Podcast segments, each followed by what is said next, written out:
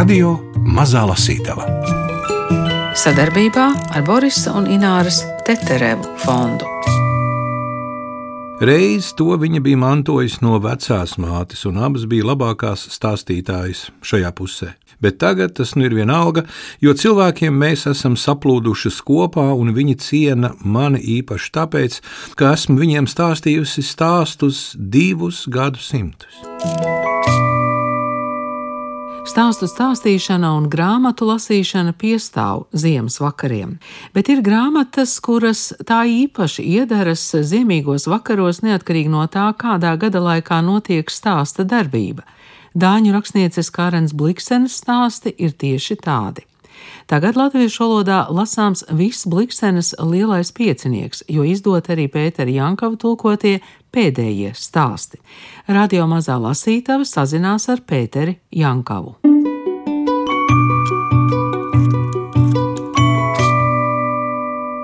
Mēs šeit esam studijā kopā ar Gundaru Aboliņu. Sveicināti! Sveiks, sveiks Gundar, jā. jā, un mēs pēc brīža arī būsim gatavi lasīt Kārens Bliksenes dažu stāstu fragmentus, kaut gan es zinu, ka nu, no stāstiem fragmentus vienmēr ir grūti lasīt, jo prasās lasīt visu stāstu. Bet um, jūs mums varētu savukārt izstāstīt savu stāstu, kad tad jūs pirmo reizi kaut ko tulkojāt no Kārens Bliksenes latviešu valodā? Tās bija tālajā pagājušā gadsimtā, pagājušā gada tūkstotī, ja, 995. gads, kad es tā ķēros klāt. Tie bija septiņi romantiski stāsti, un, un ar to arī, arī iesākās gan Atēna, gan mana tā tulkotāja darbība tā īsti. Un tā kā pa šiem gadiem jau ir, man ir ļoti liels prieks, ka tagad latviešu lasītājiem ar šo te pēdējo stāstu izdošanu ir eh, kļuvis eh, pieejams nu, tā sauktais, tā var nosaukt, Blikstens lieliskais piecinieks. Jā, tās piecas grāmatas, kas viņai ir viss tādas labākās un, un kas ir arī atzinību ieguvušas pasaulē. Tā kā tā pieredze ir diezgan ilga, un arī šīs grāmatas tulkojums ir tapis ilgākā laika posmā. Vēl Atēnas laikā jau bija daļa iztulkota, un bet kā man dzimtajā odzienā teiktu par izdošanu, ka mēs nepaspējām. Un tā, tā nu tas ir sanācis, ka tagad pateicoties dienas apgāda vēlībai, šī grāmata ir ieraudzījusi dienas gaismu.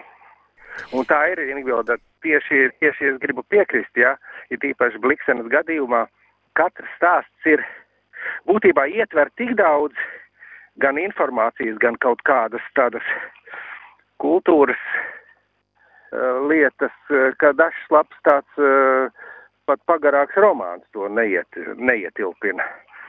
Jo katrs stāsts ir kā tāda perspektīva, kas aizved ļoti, ļoti tālu un, un, un ļoti dziļi, un tas ir tā kā atveras vesels visums pilnīgi.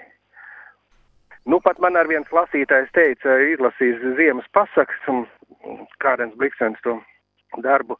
Un tas ļoti sasaucas tieši ar manu izjūtu. Viņš teica tā, ka rodas sajūta, ka rakstnieks paņem tevi aiz rokas un ved, un tev ir jāpaļaujas viņai, un ja tu paļaujies viņai, tad tu iegūsti ļoti lielu baudījumu un jaunus piedzīvojumus. Bet Kārena Blikstena dāņu literatūrā vai vispār Eiropas literatūrā tas ir īpašs vārds, kā jūs raksturot ar ko?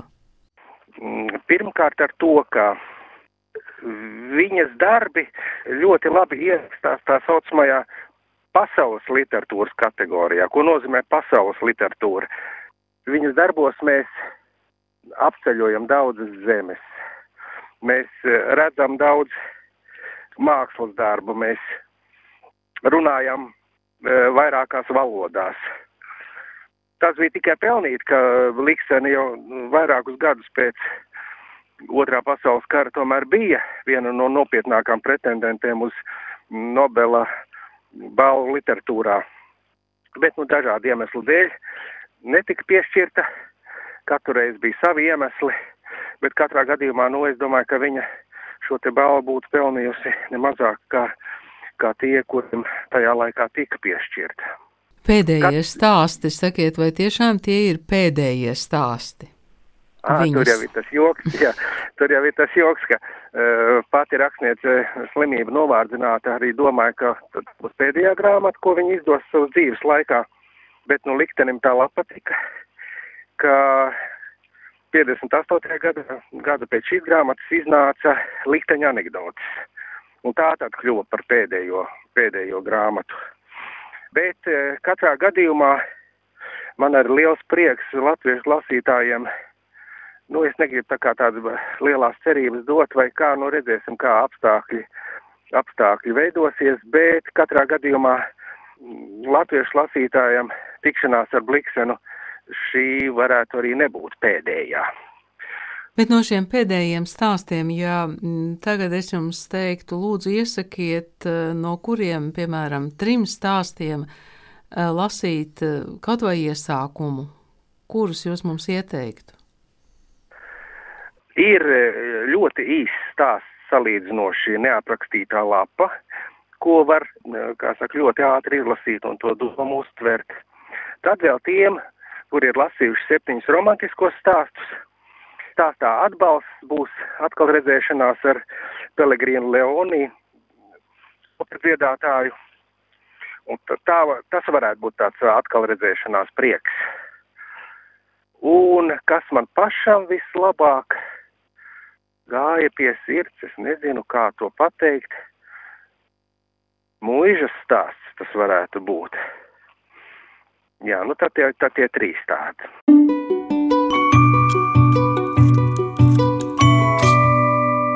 Atbalsts. Kādā no saviem klejojumiem Pelegrīna Leonī, balsi zaudējusī dziedātāja, nonāca kalnu pilsētiņā Romas tuvumā. Tas notika laikā, kad viņa bija bēgusi no Romas un sava mīļākā Linkolna Forsnera, kura lielā mīlestība draudēja viņu ieslodzīt stingrā un pastāvīgā dzīvē. Viņa ieradās pilsētā pret vakaru, ratos, kuros iejūgts zirgs un mūlis, ar vilnu un kastaņiem ielējai, un, kad gribēja samaksāt par braucienu, izrādījās, ka viņai nav naudas. Par to viņa neuztraucās, jo nekad nebija daudz domājis par naudu un zināja, ka viņas draugs Žīts Marks Kokoca meklēs, atradīs viņu un gādās, lai viņai būtu viss nepieciešamais. Uz kreisās rokas pirksta viņai bija gradzens ar lielu briljantu, viņa to novilka un iedeva vedējam.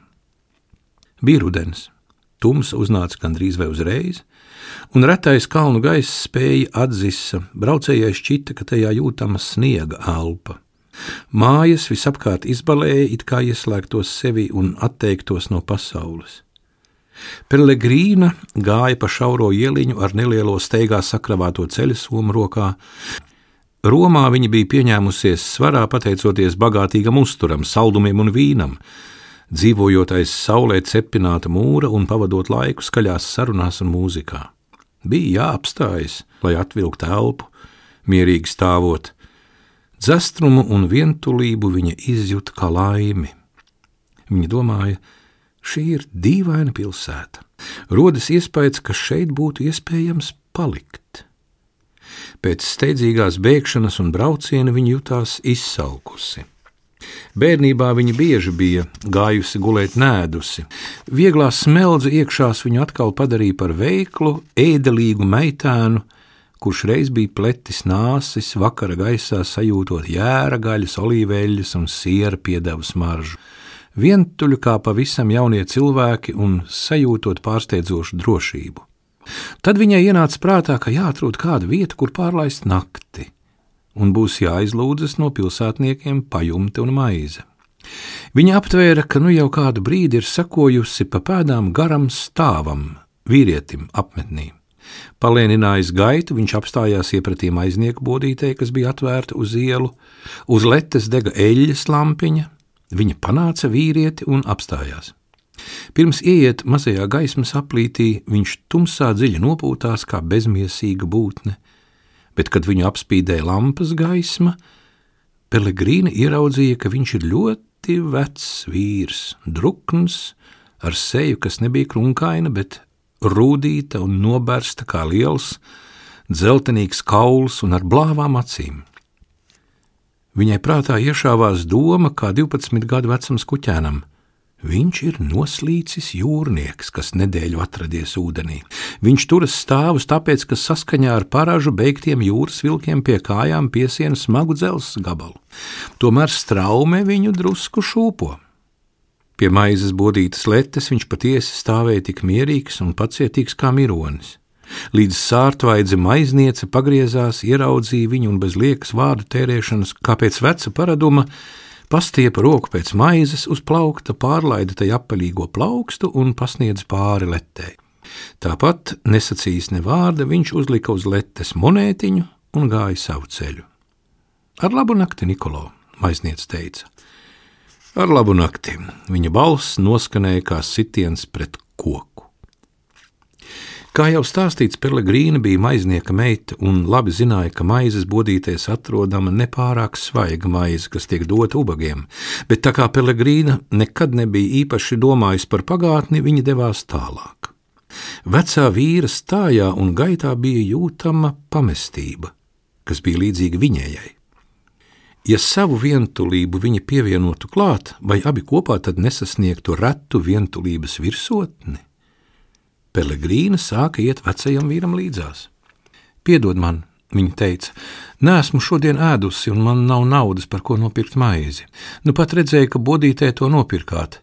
Vai aiz līdzjūtības pret šīs pasaules nabagajiem iedosiet man kādu gabaliņu no tās?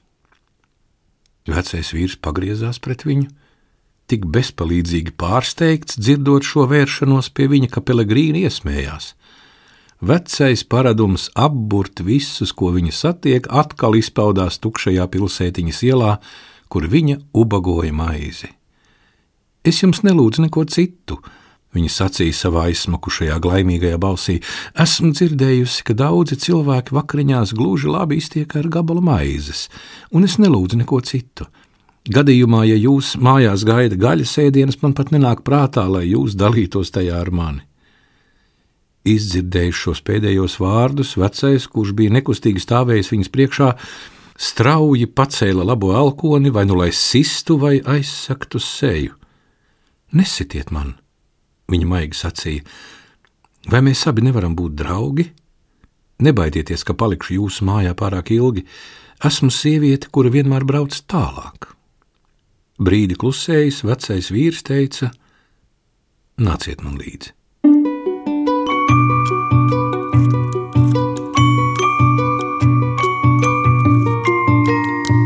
Radio Mazā Lasītava.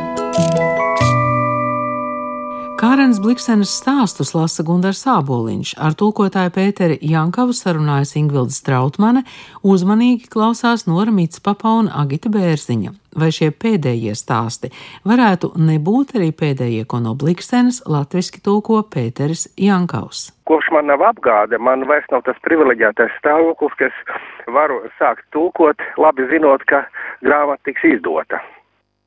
Ir jāvienojās ar kādu apgādu tagad, jā, kas piekrīt izdot, un tad varbūt kaut kāda, kaut kāda tālāka sadarbība.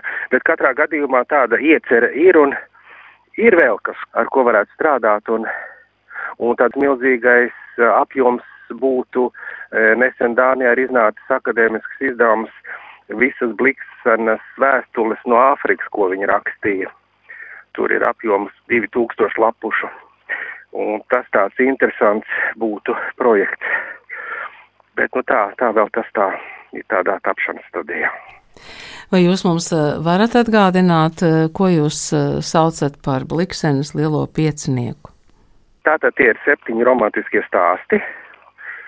Pirmais, tad ir no Āfrikas dziļumiem, tad ir ziemas pasakas, likteņa anekdotes, un lūk, šie te pēdējie stāsti. Šī tā dūrīte tāda, ar ko bliksena, kā saka, it cauri visas sienas.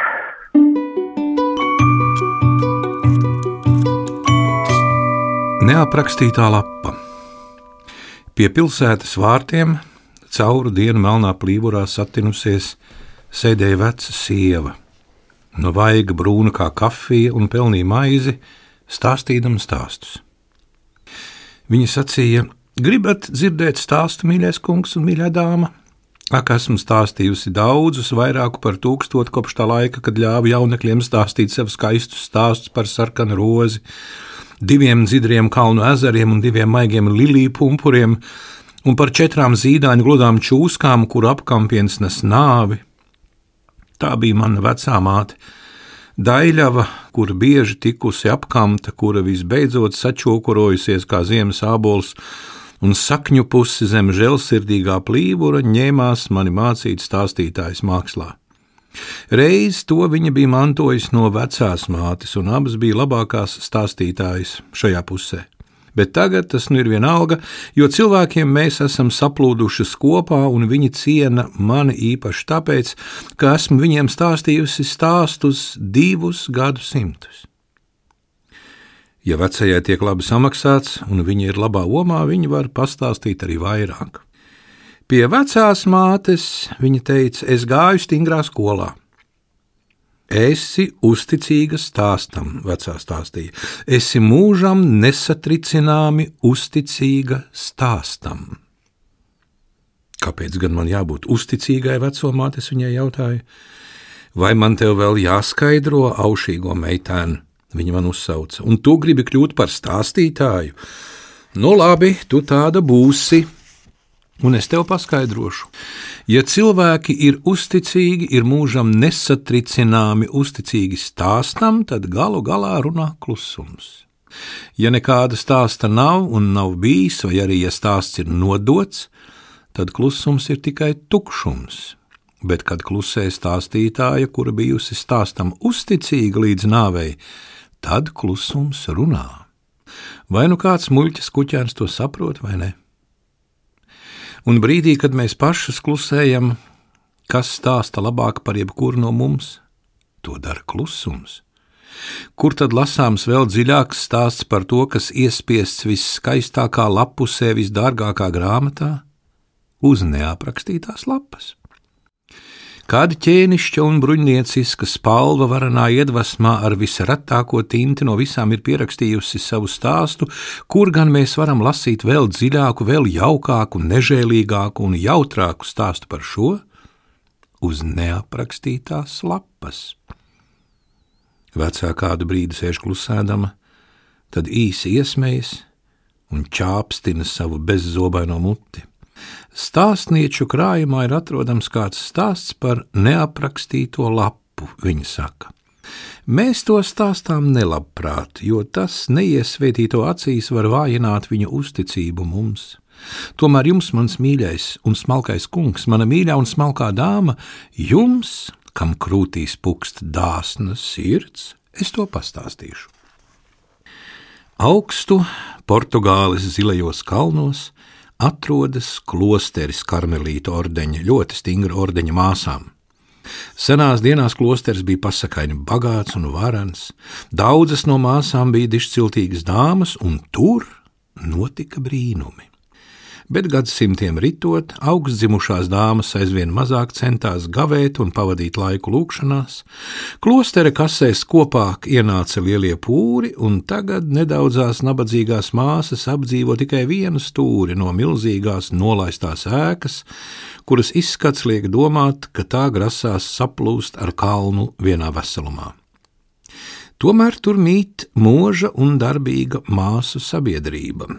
Viņas gūst lielu prieku no svētajām apcerēm un sirsnīgā apmierinājumā nodarbojas ar īpašo rūpalu, kas senos laikos sagādāja klosterim ievērojamu privilēģiju. Viņas auž vissmalkāko audumu visā Portugālē. Garo tīrumu klostera pakājē ar vērši, balti kā sniegs, un sēklu prasmīgi izsēja darbā rūtītas jaunavīgas rokas ar melnzemi zem nagiem.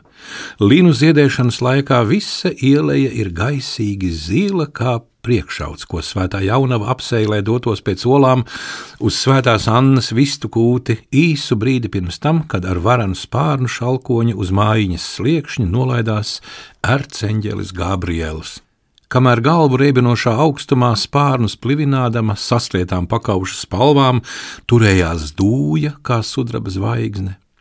Jūdzēm tālā apkārtnē šajā vasaras mēnesī cilvēki raugās augšup uz drūvu, jautādami sev, Kā vai klosteris nu ir pacelts debesīs? Vai arī mūsu labās māsiņas ir likušas debesīm nolaisties lejā pie sevis?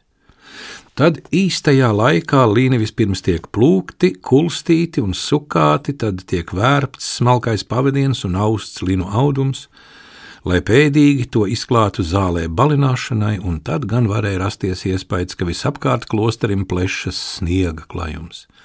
Un tas viss tiek darīts ar sirsnīgu saudzību un bijāšanu, apsvētīšanu un apslacīšanu, kas ir klostera noslēpums. Tāpēc arī gatavais audums, kas tiek sūtīts ārā pa vārtiem uz ēzelīšu muguras, vienādiņa lejup no kalna uz pilsētām, ir tik balts kā ziedi, un gluds un burvīgs kā manas kājiņas.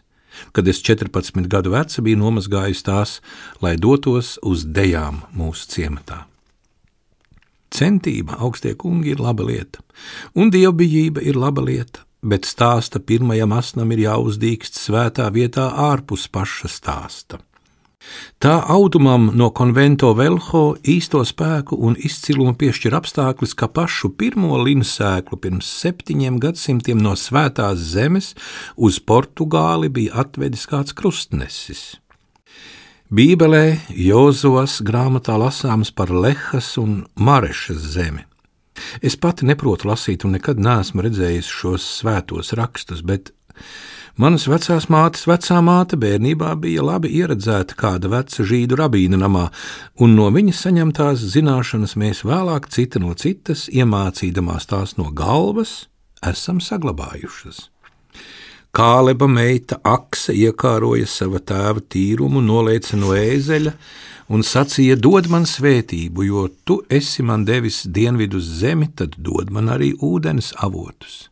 Un tad tas viņai atvēlēja ir augšējos, ir apakšējos ūdens avotus, un tais pašos laukos dienvidpusē, Lehā un Marešā kopš tā laika dzīvoja dzimtas, kas auda lielisku linaudaklu asbijas namam. Portugāļu krustnesi, kura senču reiz bijuši audēju dzimta, sajūsmināja Lina smalkums un stiprība, un viņš piesēja pie segliem maisiņu ar sēklām. Pateicoties šim neparastajam notikumam, klosteris tad arī dabūja savu privilēģiju, proti, piegādāt kāzu gultas palagus visām karaļnama jaunajām princesēm. Un uz grāmatas vāka arī ir gleznas fragments. Jā, jā. Man ir ļoti liels prieks, ka grāmata izskatās ļoti atēniska.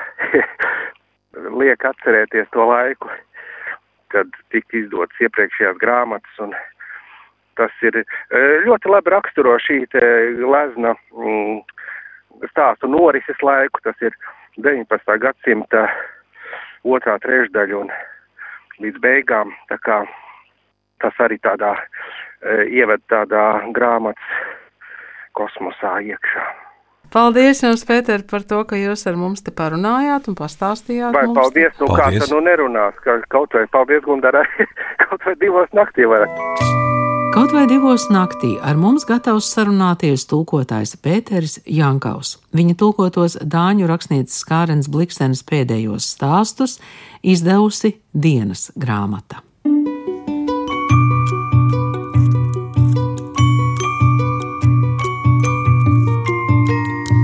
Radio Mazā Lasītava sadarbībā ar Borisa un Ināras Teterevu fondu.